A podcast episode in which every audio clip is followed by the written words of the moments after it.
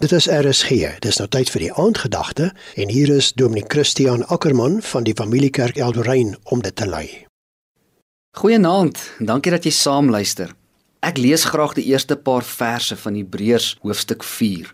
Terwyl die belofte om in sy rus in te gaan nog van krag is, moet ons oppas dat dit nie miskien later blyk dat een van julle agtergebly het nie. Ons het die blye boodskap ontvang net soos hulle Maar hoewel hulle die prediking gehoor het, het dit hulle niks gebaat nie, omdat hulle nie geglo het wat hulle gehoor het nie. Ons wat glo, gaan wel in die rus in, maar hulle nie. Soos God gesê het, toe ek in my troon 'n eed afgelê. In my rus sal hulle beslis nie ingaan nie. Wat doen jy om te rus? Die lewe is so gejaag van een plek na 'n ander.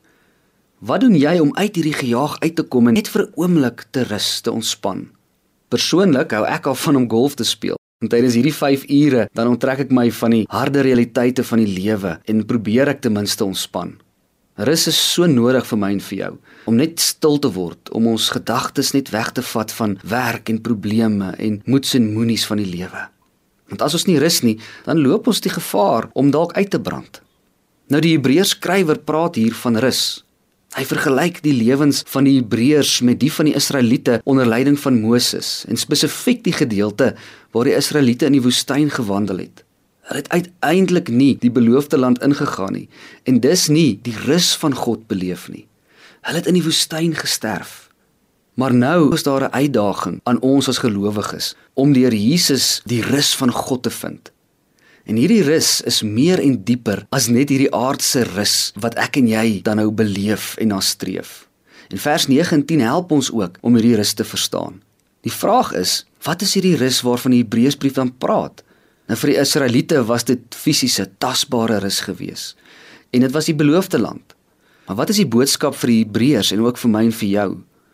Onthou nou dat die Hebreërs deur baie moeilike omstandighede gegaan het en verdrukking beleef het. Nou kom die skrywer en hy sê vir hulle dat al gaan hulle deur hierdie slegte tye, dat hulle ware rus in Jesus lê. Jesus is die weg en die waarheid en hy is ook die een wat die gewer is van die ewige lewe. Die era wat kom waar die ewige vrede en rus gaan wees, kom deur Jesus. En dit is vandag net so waar vir my en vir jou. Ons beleef ook moeilike tye. Ons beleef 'n gejaag van een plek na 'n ander. Deel van hierdie rus lê in die wete dat alles eendag perfek en heel en sonder pyn en seer gaan wees. Maar meer as dit, ons kan nou al rus vind. Rus vind in die wete dat ongeag wat met ons gebeur of wat ons omstandighede is, ons behoort aan Christus. Mag dit vir jou vrede bring in hierdie tye waarin jy ook jouself dalk mag bevind. Dit was die aandgedagte hier op RSG, aangebied deur Dominee Christian Ackermann van die Familiekerk Eldorein.